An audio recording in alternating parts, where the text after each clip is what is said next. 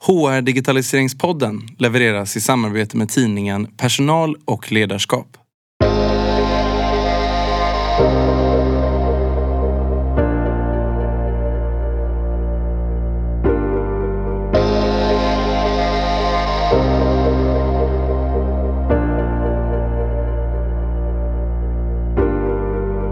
Rekrytering och sourcingområdet är det område där det funnits flest innovativa techlösningar tidigast och där till exempel artificiell intelligens redan har ingått ett tag och kan leverera värde i hur du hittar och rekryterar smartare. Idag i podden har jag besök av Sara Dalsfält från Adway som är en profil inom datadriven talanganskaffning och varje dag diskuterar och driver denna fråga. Du hittar henne bland annat leda livestreams på LinkedIn på temat hon har massor av följare över hela världen som är intresserade av just det här området.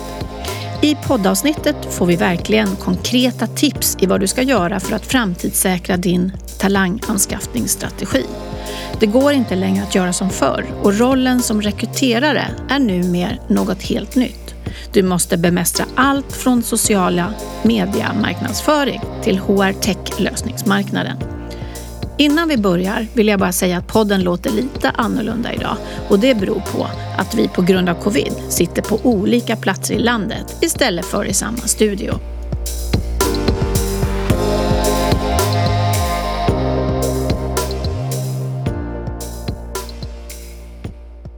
Hej Sara, välkommen hit till HR Digitaliseringspodden. Tackar, tackar. Det är jättekul för jag har ju sett dig, du dyker upp i mitt flöde på LinkedIn ganska ofta. Eh, och jag är jätteglad att du är här. Och det du pratar om på LinkedIn, det förstår jag, det handlar ju om att vara datadriven vad det gäller rekrytering och sourcing. Mm. Men eh, hur blev du en, en sån person? Var hamnade du? Hur gick det till? Hur gick det till? Eh, men Först och främst eh, Anna, superroligt att få vara inbjuden till din podd. Jag älskar ju HR och rekryteringspoddar. Jag slukar dem varmt. Eh, så det är jätteroligt att vara här. Och ja, men min bakgrund kort och gott är väl lite grann det jag också idag jobbar med att liksom utbilda inom varför det här är så viktigt och jag blev också utbildad i det här från början varför liksom datadriven talent acquisition är att framtidssäkra sin rekryteringsfunktion. Ehm, så precis som du nämner, mitt namn är Sara. Jag är starka 26 år Anna. Riktigt senior börjar jag bli nu. Nu är jag riktigt så, närmar mig starkt 30. Ganska ehm, långt Men, ifrån min ålder. Jag ligger i andra änden av karriären. Vi, vi behöver mångfalden, den ger ja. oss allt mentorskapet är viktigt. Ehm, nej men och I min roll så fokuserar jag mitt arbete på att ge värde till mitt nätverk på LinkedIn där jag utbildar globala arbetsgivare om vikten av att bygga varumärkessynlighet och attrahera relevanta kandidater med hjälp av AI bland annat. Så jag håller ett öga på trender, teman och ämnen som påverkar talent acquisition globalt och håller då återkommande livestreams för att diskutera hur utnyttjandet av kraften i data och automatisering kan hjälpa arbetsgivare att utvecklas från det jag brukar kalla egosystem till ekosystem för rekrytering. Superspännande. Eh, det är lite intressant för jag när jag hade en trendspaning här i höstas då, då sa jag lite att det här kanske inte var, det hade fallit lite tillbaks när vi kom in på eh, att vad corona har påverk, påverkat arbetsmarknaden och liknande. Men nu förstår jag att det kommer starkt tillbaka igen. Fokuset på rekrytering eh, och det området. Verkligen så. Eh, det är helt och hållet avgörande för att lyckas som, som arbetsgivare och du var också inne på i din trendspaning där att vi har kastats liksom massa år framåt i digitaliseringen och det har vi gjort men det är inte helt enkelt för liksom många som är beteendevetare inom HR att förväntas jonglera allt ifrån digital marknadsföring till liksom datadrivna talanganskaffningsprocesser till allt däremellan. Så att jag tar på mig en ganska stor hatt där jag försöker hela tiden hjälpa alla inom rekrytering att bli lite bättre i sin roll varje dag för att det är ganska tufft att kastas liksom den här förväntningen på sig och, ehm, och förväntas lösa det själv också. Så det finns mm. liksom ingen avdelning idag som har så pass eh, högt tryck på utvecklingsförväntning som HR och då, då har jag med min lilla beskärda del att eh, hålla min mitt nätverk i, längst fram inom talent acquisition och även då genom praktiska liksom, action points att ta med sig eh, i det jag utbildar. Väldigt viktigt så att man kommer framåt. För HR i all ära, men vi älskar att prata och jag älskar att agera. Så du och jag har ju lite liknande tanke kring uh, att utbilda och få saker att hända. Mm. Jag tar det lite bredare angreppet med den här podden och ja. tänker generellt kring olika tekniker. Och du har verkligen fokuserat in på uh, det här med rekrytering. Det tycker jag är superspännande. Så jag är så glad att du kan dela med dig lite grann här. Ja, nej, men jättegärna och det ligger som sagt mm. i, i min natur och eh, jag älskar att slippa vara eh, host för en gångs skull Anna. Det är så skönt, det är så skönt att bli intervjuad faktiskt. Slippa leda så att jag, jag känner mig att jag är i trygga, trygga händer hos dig. Men hur hamnade du här? Eh, vad, vad har du för bakgrund innan? Eh, så jag eh, som sagt seniora 26 år har jobbat, eh, jag har en bakgrund inom sälj där jag började som dörrknackare av alla härliga former av yrken på näringskedjans botten kan man säga. Eh, och sen har jag jobbat jättemycket inom eh, försäljning inom business to business där jag har byggt egentligen någonting vi på den tiden, det här kanske var ungefär fyra fem år sedan, kallades smartbound. Det är alltså en kombination av inbound och outbound tekniker och är man kunnig inom sälj så betyder det helt enkelt hur man får in kunder till, sitt, eh, ja, men till sin hemsida eller det man pysslar med och även då hur man når ut genom telemarketing och liknande. Och kombinationen och det gemensamma här är att träffytor bygger liksom kontaktpunkter för en kund som också förflyttar kunden längre fram i eh, kundresan. Och samma paralleller går att dra till rekrytering. Så det jag idag mm. egentligen jobbar med är ganska liknande processer, alltså in och outbound för rekrytering där touchpoints, alltså träffytor är jätteviktigt för att bygga relation med passiva kandidater. Och passiva kandidater, Anna, är under en pandemi nästan till och med liksom de är förstenade. För att man, ingen vågar ta en risk ofta. Är det, och speciellt om vi pratar liksom C-level nivå. Att det, mm. finns, eh, det har gjort en jätteförflyttning liksom där man verkligen måste påverka och eh, leverera trygghet och insikter över tid för att påverka någon att ta då en risk som det kan kännas i detta fallet att hoppa på ditt erbjudande. Men eh, nu då med covid, vi nämnde ju lite grann kring det, men vad händer egentligen eh, på talangmarknaden idag? Du sa att de passiva, att de blir än mer passiva, de passiva kandidaterna, men kan du inte mm. utveckla det lite? Jo absolut. Ehm, som sagt det finns en rädsla att, att hoppa på liksom en ny uppsägningsrisk då kanske med sex månader när man tar, eh, hoppar på ett nytt erbjudande. Eh, vilket gör att det är än viktigare då att ha en jättegenomtänkt eh, egentligen storytelling i kandidatens naturliga habitat, alltså där de vistas online varje dag för att trygga och hela tiden då förflytta, som vi påverkade, kandidaten fram i i eh, kandidatresan.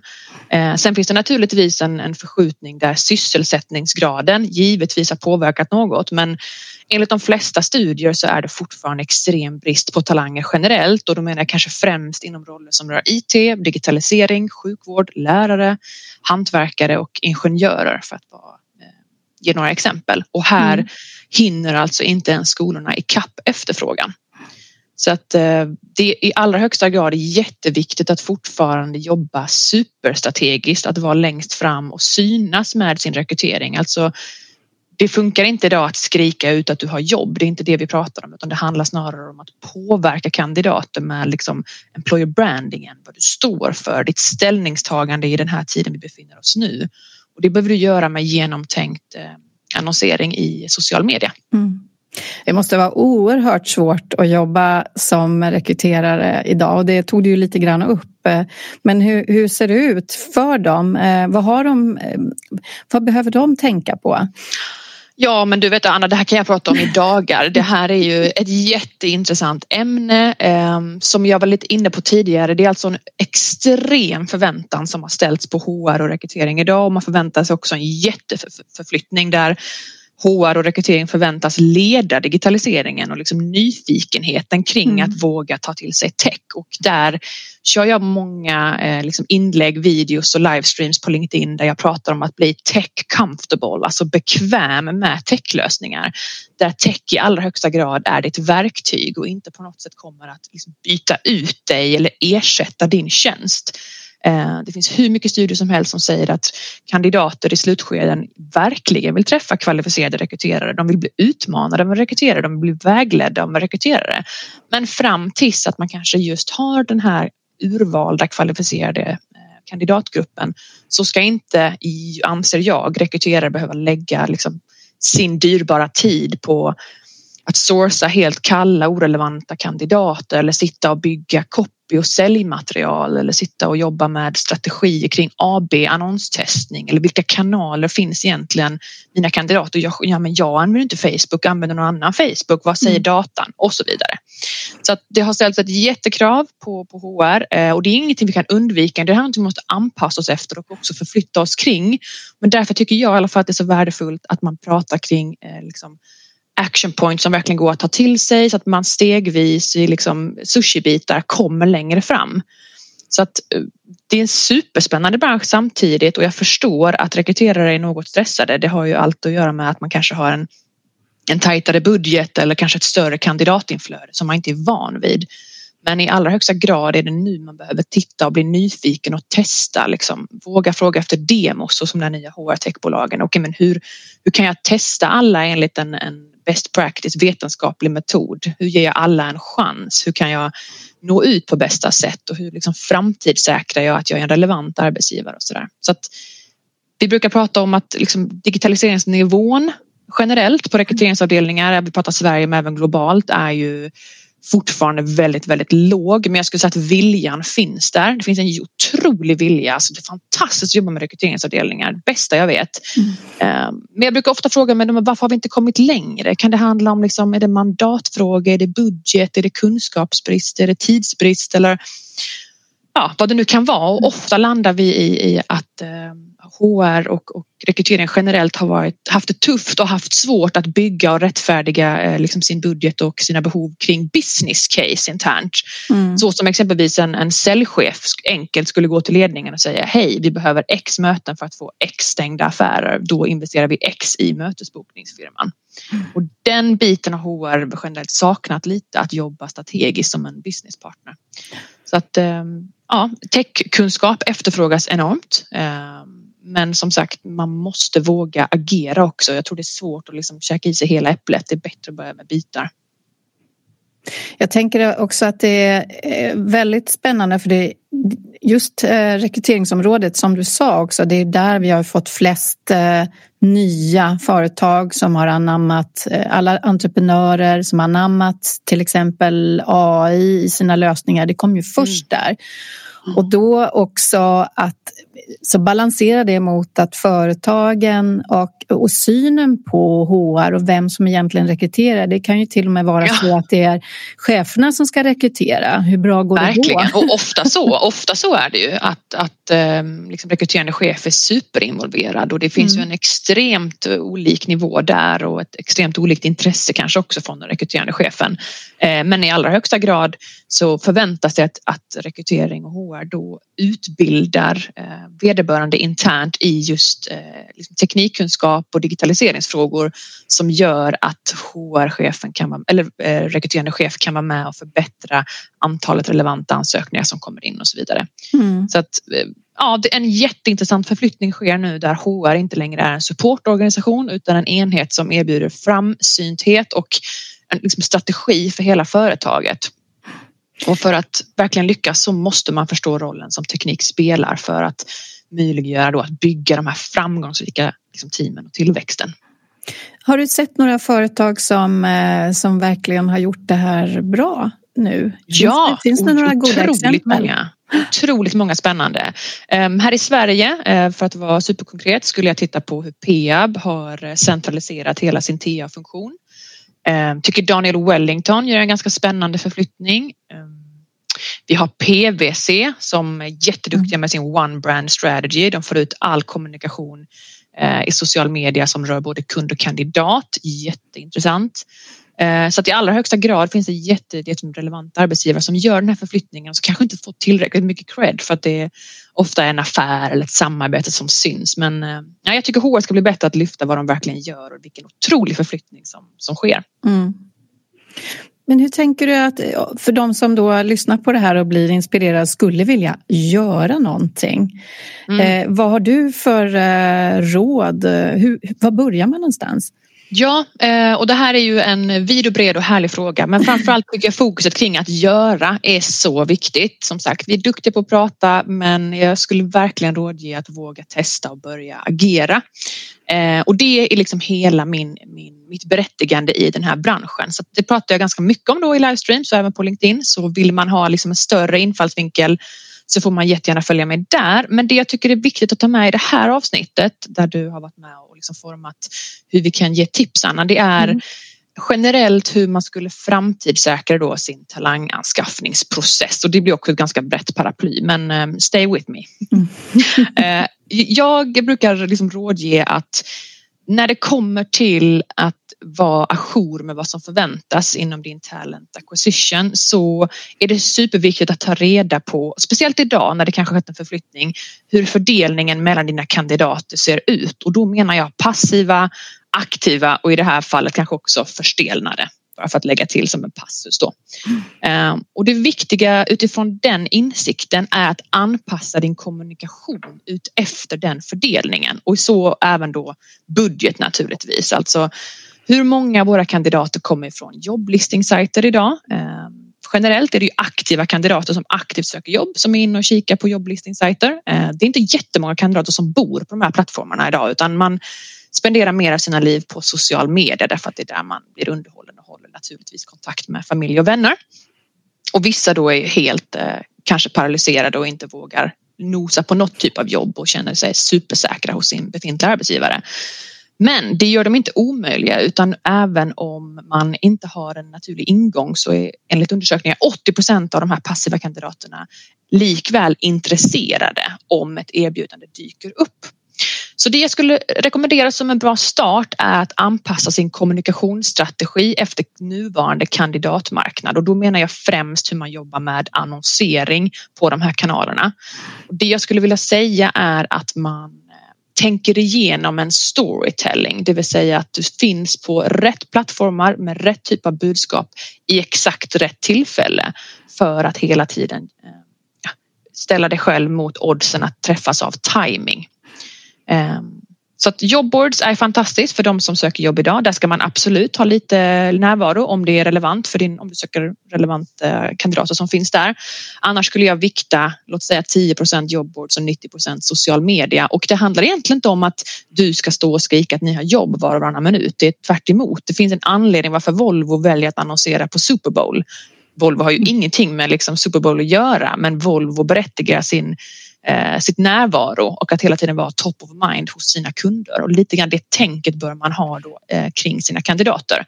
Och då kan man jobba ganska smart då med eh, pro programmatisk annonsering i social media. Eh, och vi svenskar vi lägger i genomsnitt över 10 timmar i veckan på social media. Eh, så att det är ganska viktigt att ha en kännedom att där finns kandidaterna fastän man själv kanske inte hänger så mm. mycket på Facebook. Så det är viktigt att utgå från datan, vad den säger. Men hur får man fram så. Eh, datan, tänker jag? Hur ska man veta var... För det är ju mm. heller så att eh, dina kandidater... Du har ju flera olika kategorier säkert. Du har en huvudkategori Givetvis. och sen så har du under, beroende på vad du ska rekrytera. Hur ska du eh, hur gör man? Vi mm. pratar om datadrivet eller digitala lösningar, men vad kan man få för hjälp? Mm, jättebra fråga. Eh, precis som du säger så har de flesta olika kandidatkategorier men generellt i Sverige kan man utgå från att majoriteten av alla eh, i befolkningen finns på Facebook och många därtill på Instagram, ett gäng på LinkedIn och även då många givetvis på Google. Så en mix egentligen av de mest eh, populära och relevanta plattformarna där du enkelt kan få ut användarstatistik och liksom åldersspann och allt det som är relevant och intressant är viktigt. Men min absoluta rekommendation är att när det kommer till storytelling mot dina kandidater är det viktigt att tänka på att få till så många träffytor med en bra mediamix som möjligt. Det innebär alltså att ni maximerar er synlighet genom att synas på så många olika plattformar relevanta som möjligt. Så att mitt första medskick är lägg inte alla era ägg i en korg mm. utan jobba med en mix. För det här med träffytor kommer tillbaka till hur man jobbar med sälj och kundresa. Så behöver göra ganska många intryck hos någon för att komma till ett beslut och det är det man vill öka då med träffytor i sin annonsering. Och mitt nästa medskick skulle vara att inte detaljstyra för mycket från början utan fokusera på volym av annonser och träffytor. Annars är risken att ni får en alldeles för snäv och i många fall dyr målgrupp eftersom att ni försöker nå kandidaterna på exakt samma sätt som alla andra. Så min rekommendation är att ta reda på vad beteendebaserad målgruppsstyrning är och inse att det finns ett sätt där algoritmer jobbar för er. Också för att undvika partiskhet för att du får inte detaljstyra på etnicitet, kön, ålder och liknande. Mm. Eh, väldigt kritiskt. Så att är man intresserad hur man kan förbättra detta skulle jag söka upp hur det funkar att jobba med målgruppsstyrning eh, när man har beteendebaserad jobbannonsering. Och som klart har jag lite frågor och svar på det då ifall mm. man tycker att det är intressant. Men hur, eh, är det någon påverkan kring, det har ju varit lite hype kring hur man skriver sina annonser, i alla fall i mm. USA, där man använder olika verktyg för att få stöd med det. Hur ser mm. du på det? Eh, viktigt är att jobba med neutrala liksom, ordsammansättningar och inte på något sätt eh, liksom skriva personen på näsan. Eh, det gör för att man på alla sätt ska få folk att Vissa har en tendens att överkvalificera sig själva och vissa har en tendens att underkvalificera. Mycket skillnad där på män och kvinnor.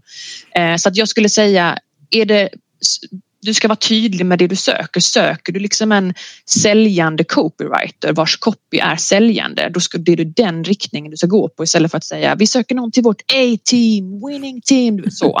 Eh, för det kanske inte talar till kandidaten. Ehm, så det är jätteviktigt i allra högsta grad att använda neutrala ord som snarare pratar till vad det är som ska genomföras istället för vad man tror förväntas eh, leda till genomförandet. Ehm, men framför allt att man är en eh, hejare på eh, digital annonsering. Som sagt, dina biblar och jobbannonseringar hör inte hemma i social media utan här behöver du sälja arbetsgivaren.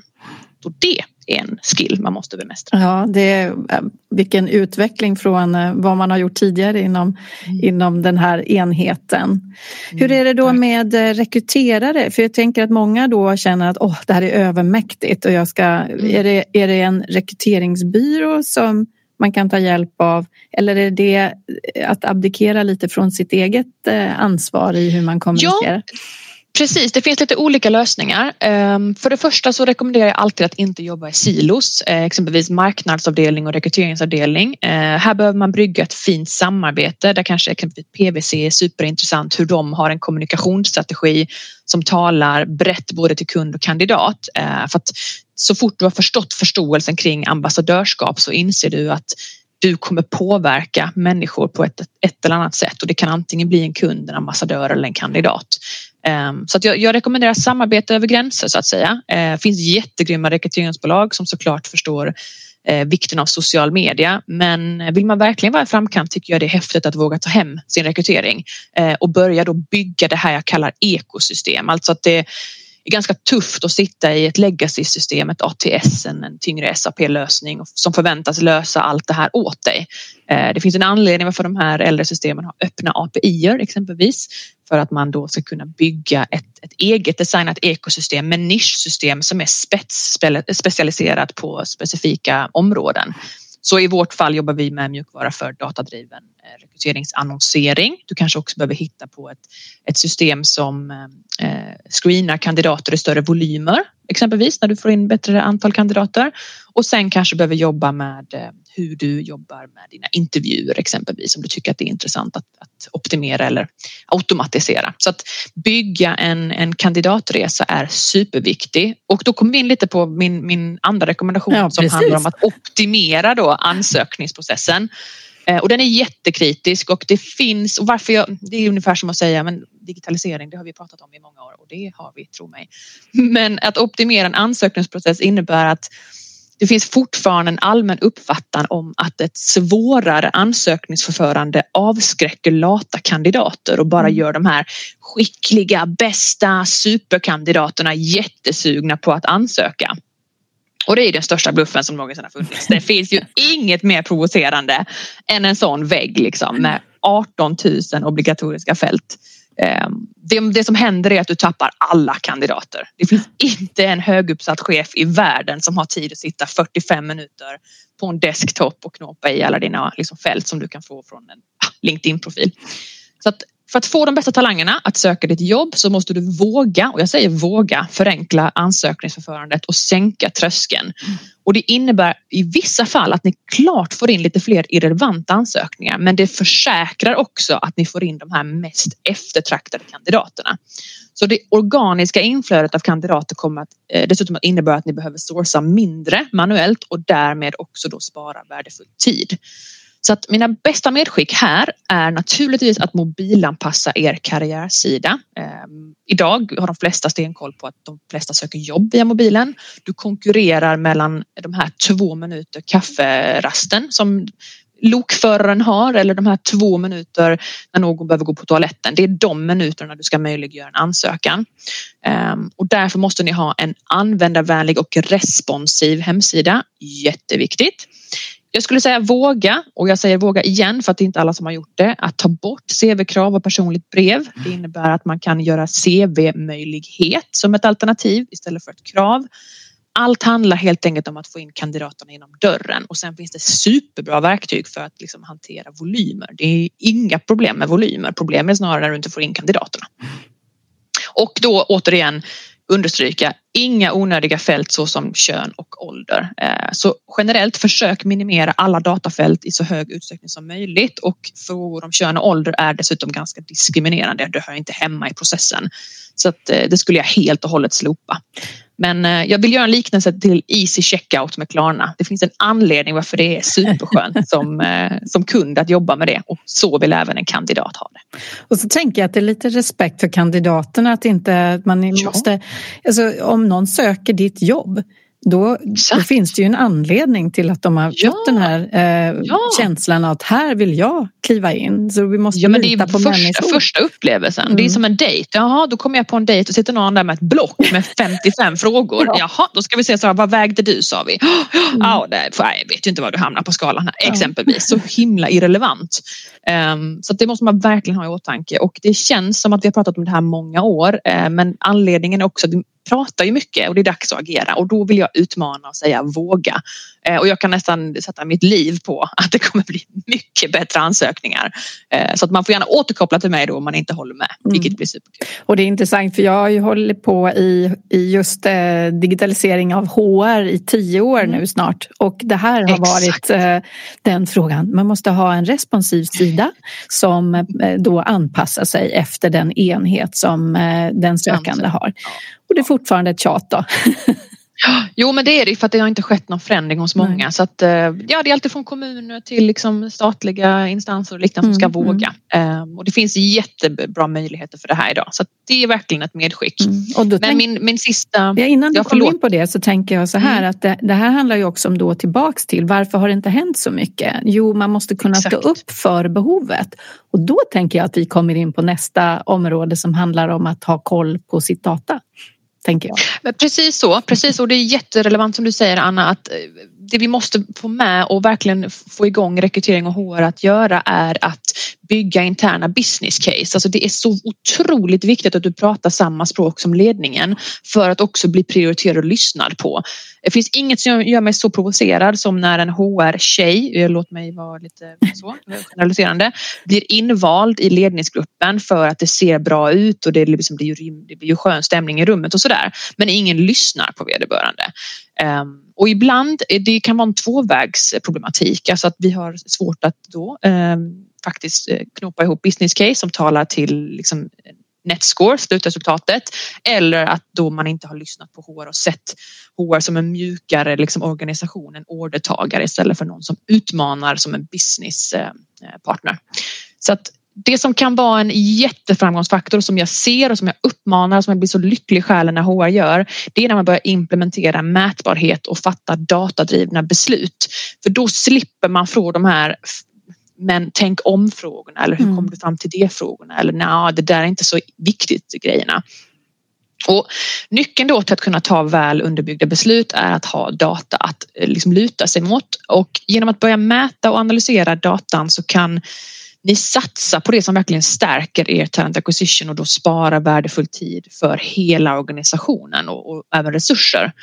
Um, och då finns det några nyckeltal som jag skulle kunna rekommendera som, som medskick men, men vikten oavsett är att hela tiden leverera insikter och backa dem på data för att tala ett språk som blir lyssnat på. Det är jätte, jätteviktigt. Um, och några nyckeltal då. Mm. Uh, ett som jag skulle vilja prata om är exponering. Och då menar jag genom att mäta hur många visningar och besökare ni har på era annonser i rekryteringsmarknadsföring och er karriärsida så får ni en mycket bättre förståelse för vilka budskap som funkar bäst samt vilka kanaler som lockar flest kandidater till er karriärsida. Den är steg ett, den är superviktig att följa. Nästa är interaktion, det vill säga har ni ett verktyg för att följa besökarnas resor på karriärsidan och hemsidan om inte så är det en supergod tid att skaffa det här eh, och då menar jag genom att mäta exempel antalet klick, återbesök och hur lång tid de här kandidaterna spenderar på er karriärsida ger en jättebra inblick i hur kandidaterna agerar och vad ni kan se över. Exempelvis varför hoppar alla kandidater av när vi ber om liksom, postnumret? Kanske för att det inte alls är relevant mm. exempelvis. Och nästa då som är superviktig, superviktig att följa som en religion om man nu tycker att det är intressant. Men konvertering är eh, otroligt, otroligt viktigt och det betyder, för att dra ett exempel, att hur många ansökningar ger 100 klick oss idag? Alltså vad kostar en ansökning oss? Eller vad har vi för drop rate då? Hur många fullföljer inte den här ansökan? Hur många var det som droppade av vid postnummerfrågan? Och genom att få insikt i nyckeltalen kan ni få sätta in snabba och jättebra åtgärder för att öka oddsen för fler relevanta slutförda ansökningar. Så mitt medskick är exponering, interaktion och konvertering just när det gäller att implementera liksom datadrivna och mätbara eh, beslut i den här processen. Ehm, och som jag ofta brukar säga, det är ju liksom ingen som behöver marknadsföra eller visa upp de här siffrorna. Du behöver inte gå med de här siffrorna till någon i början, du behöver inte skämmas. Ehm, många är rädda för att börja mäta just för att det kan, men vi har ingen aning, oh, det jag kanske är fast i 90-talet, hjälp vad läskigt. Men det läskiga här är snarare att inte mäta för då vet du inte alls och då får du inte heller någon, liksom, ehm, något gensvar mot en ledningsgrupp eller för den delen leverantör. Utan börja med gör det i Excel om du måste. Det är ju fruktansvärt. Det finns mycket bättre sätt, men börja någonstans. Eh, och har du också då börjat kanske på ett resultat som känns lite knepigt, ja men då kan det bara bli bättre. Så misstaget är att inte våga mäta snarare än att ja men utfallet vart inte så bra. Nej men vad bra, då har vi all möjlighet att förbättra det. Och då tänker jag att man också kan ha eh, kanske någon man har fått siffror hur, hur duktiga de är och kunna säga att ja, vi ligger bara här, vi behöver göra en förändring. Det i sig kan ju vara ett business case. Så det är ju att våga stå för de här siffrorna, men det är ju att mäta och, och, och, och, ha siffror som stärker budskapet internt extremt viktigt. Ja, och då kan vi liksom komma bort från det här med att vi har varit en så mjuk organisation mm. och nej, men det går på känslor eller så nu känns det inte bra här liksom i gruppen. Nej, okej. Okay. Mm. Och det blir så svårt då att, att få den här respekten internt och den är tyvärr ganska viktig att få. Eh, och jag skulle säga att medskick också kring, kring det här med att börja jobba eh, mätbart är att inte bara vara liksom en, en eh, data storage. Alltså förstår jag menar? Att sitta inte bara bunkra upp datan mm. och liksom, oj vad vi, vi har hur mycket siffror som helst på det här utan börja också jobba med att, att sätta det i praktiken. Mm. Så att få koll på, man pratar jättemycket om den här rekryteringstratten exempelvis.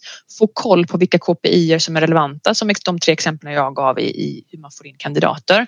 Eller vilka KPI som är kritiska för oss. Är det liksom hur snabbt vi får in någon eller är det liksom totalvärdet i organisationen den här kandidaten får in kontra lönekostnaden och liknande. Så att det inte bara blir en, ett litet eh, dataförråd för det hjälper ingen heller utan börja hellre då smått med tre mätbara tal liksom, och börja studera. Och ett tips också är att börja söka jobb hos konkurrenterna. Då vet du ganska ja. snabbt hur är. strategier ser ut. Superspännande. Ja, det, det ska man verkligen göra. Mm.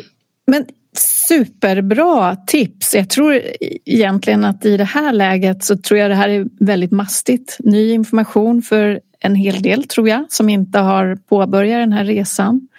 Är det mm. någonting mer du tänker på att du skulle vilja skicka med så här långt till de som lyssnar? Ja, Nej men verkligen och vissa är, det är så roligt, vissa är jättelångt fram på det här mm. redan och vissa har precis börjat. Så att jag tycker om det här med att eh, försöka ge tips så att alla kan navigera och hitta sig själva utifrån var de står med sina organisationer. Det hoppas jag att jag har gjort idag. Eh, men en viktig del här är att man behöver inte vara ett liksom, datasnille för att förstå sig på det här. Varför jag tycker tech och liksom, eh, machine learning och den här typen av verktyg är superskönt. Det är för att jag inte älskar matte skulle jag säga. Jag tycker inte att det är roligt. Jag vill bara ha verktyg som hjälper mig fatta jättebra beslut baserat på vetenskap och sen kan jag sitta och jobba med relationsbyggnad eller liksom utveckla kompetensresor. Den spännande delen av att jobba med människor. Mm. Um, jag kan tycka att det är orättvist, även om det är jätterelevant eh, för HR, att också bli mer ehm, tekniska men vissa kanske jobbade och kom in i branschen från början för att man ville jobba med människor och då är det också det man ska få göra. Mm.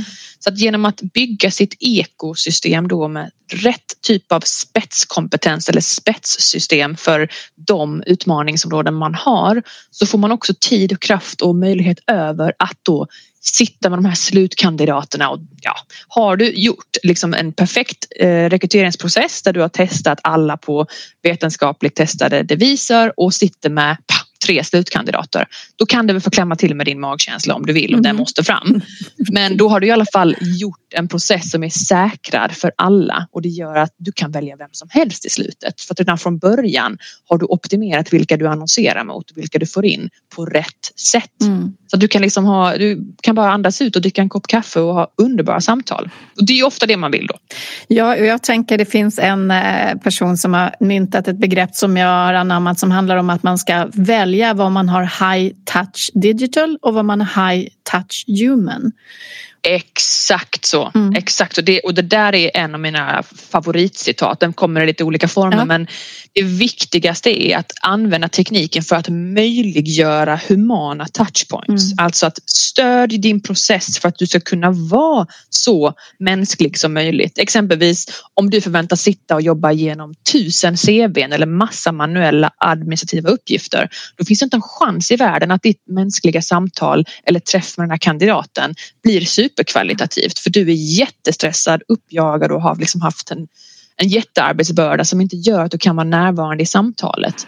Medan om du dessutom då, om du annars får in ett system och en process där du liksom frikopplas tid och möjlighet gör ju att du kan vara jättenärvarande i de här samtalen. Gör ditt absolut bästa med din liksom screening och sådär. Så att det är helt rätt. I allra högsta grad behöver du basera och förstå var i processen som tekniken görs och används bäst och var den mänskliga liksom interaktionen görs bäst. Och vill du ha mitt råd skulle jag säga att om man tittar på en rekryteringstratt så rekommenderar jag att jobba med teknik och data så tidigt som möjligt i processen för att inte på något sätt bli partisk eller sätta in mänskliga insatser som inte hör hemma och kunna vara mycket mer mänsklig när man har rätt typ av kandidater som har kommit in i processen och börjar jobba med. Så att det är hur jag skulle vikta men oavsett behöver man ta reda på det här själv och se över sin egen process. Mm. Det är ett bra medskick skulle jag säga.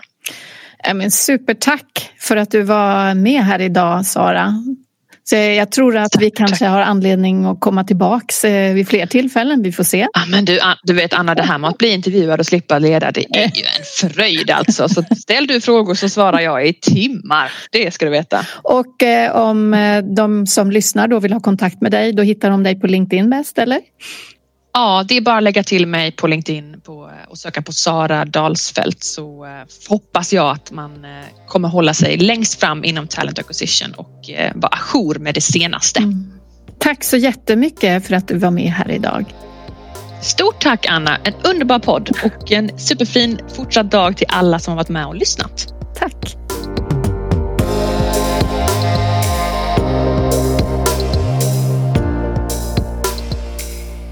Vad kul att du lyssnade på det här avsnittet av HR Digitaliseringspodden. Jag som driver podden heter Anna Karlsson och jobbar till vardags som konsult, projektledare och inspiratör inom området digitalisering med framförallt inriktning på HR, medarbetare och ledare.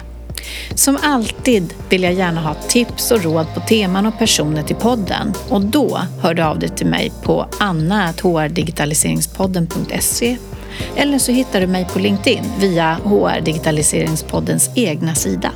Hoppas vi hörs snart igen.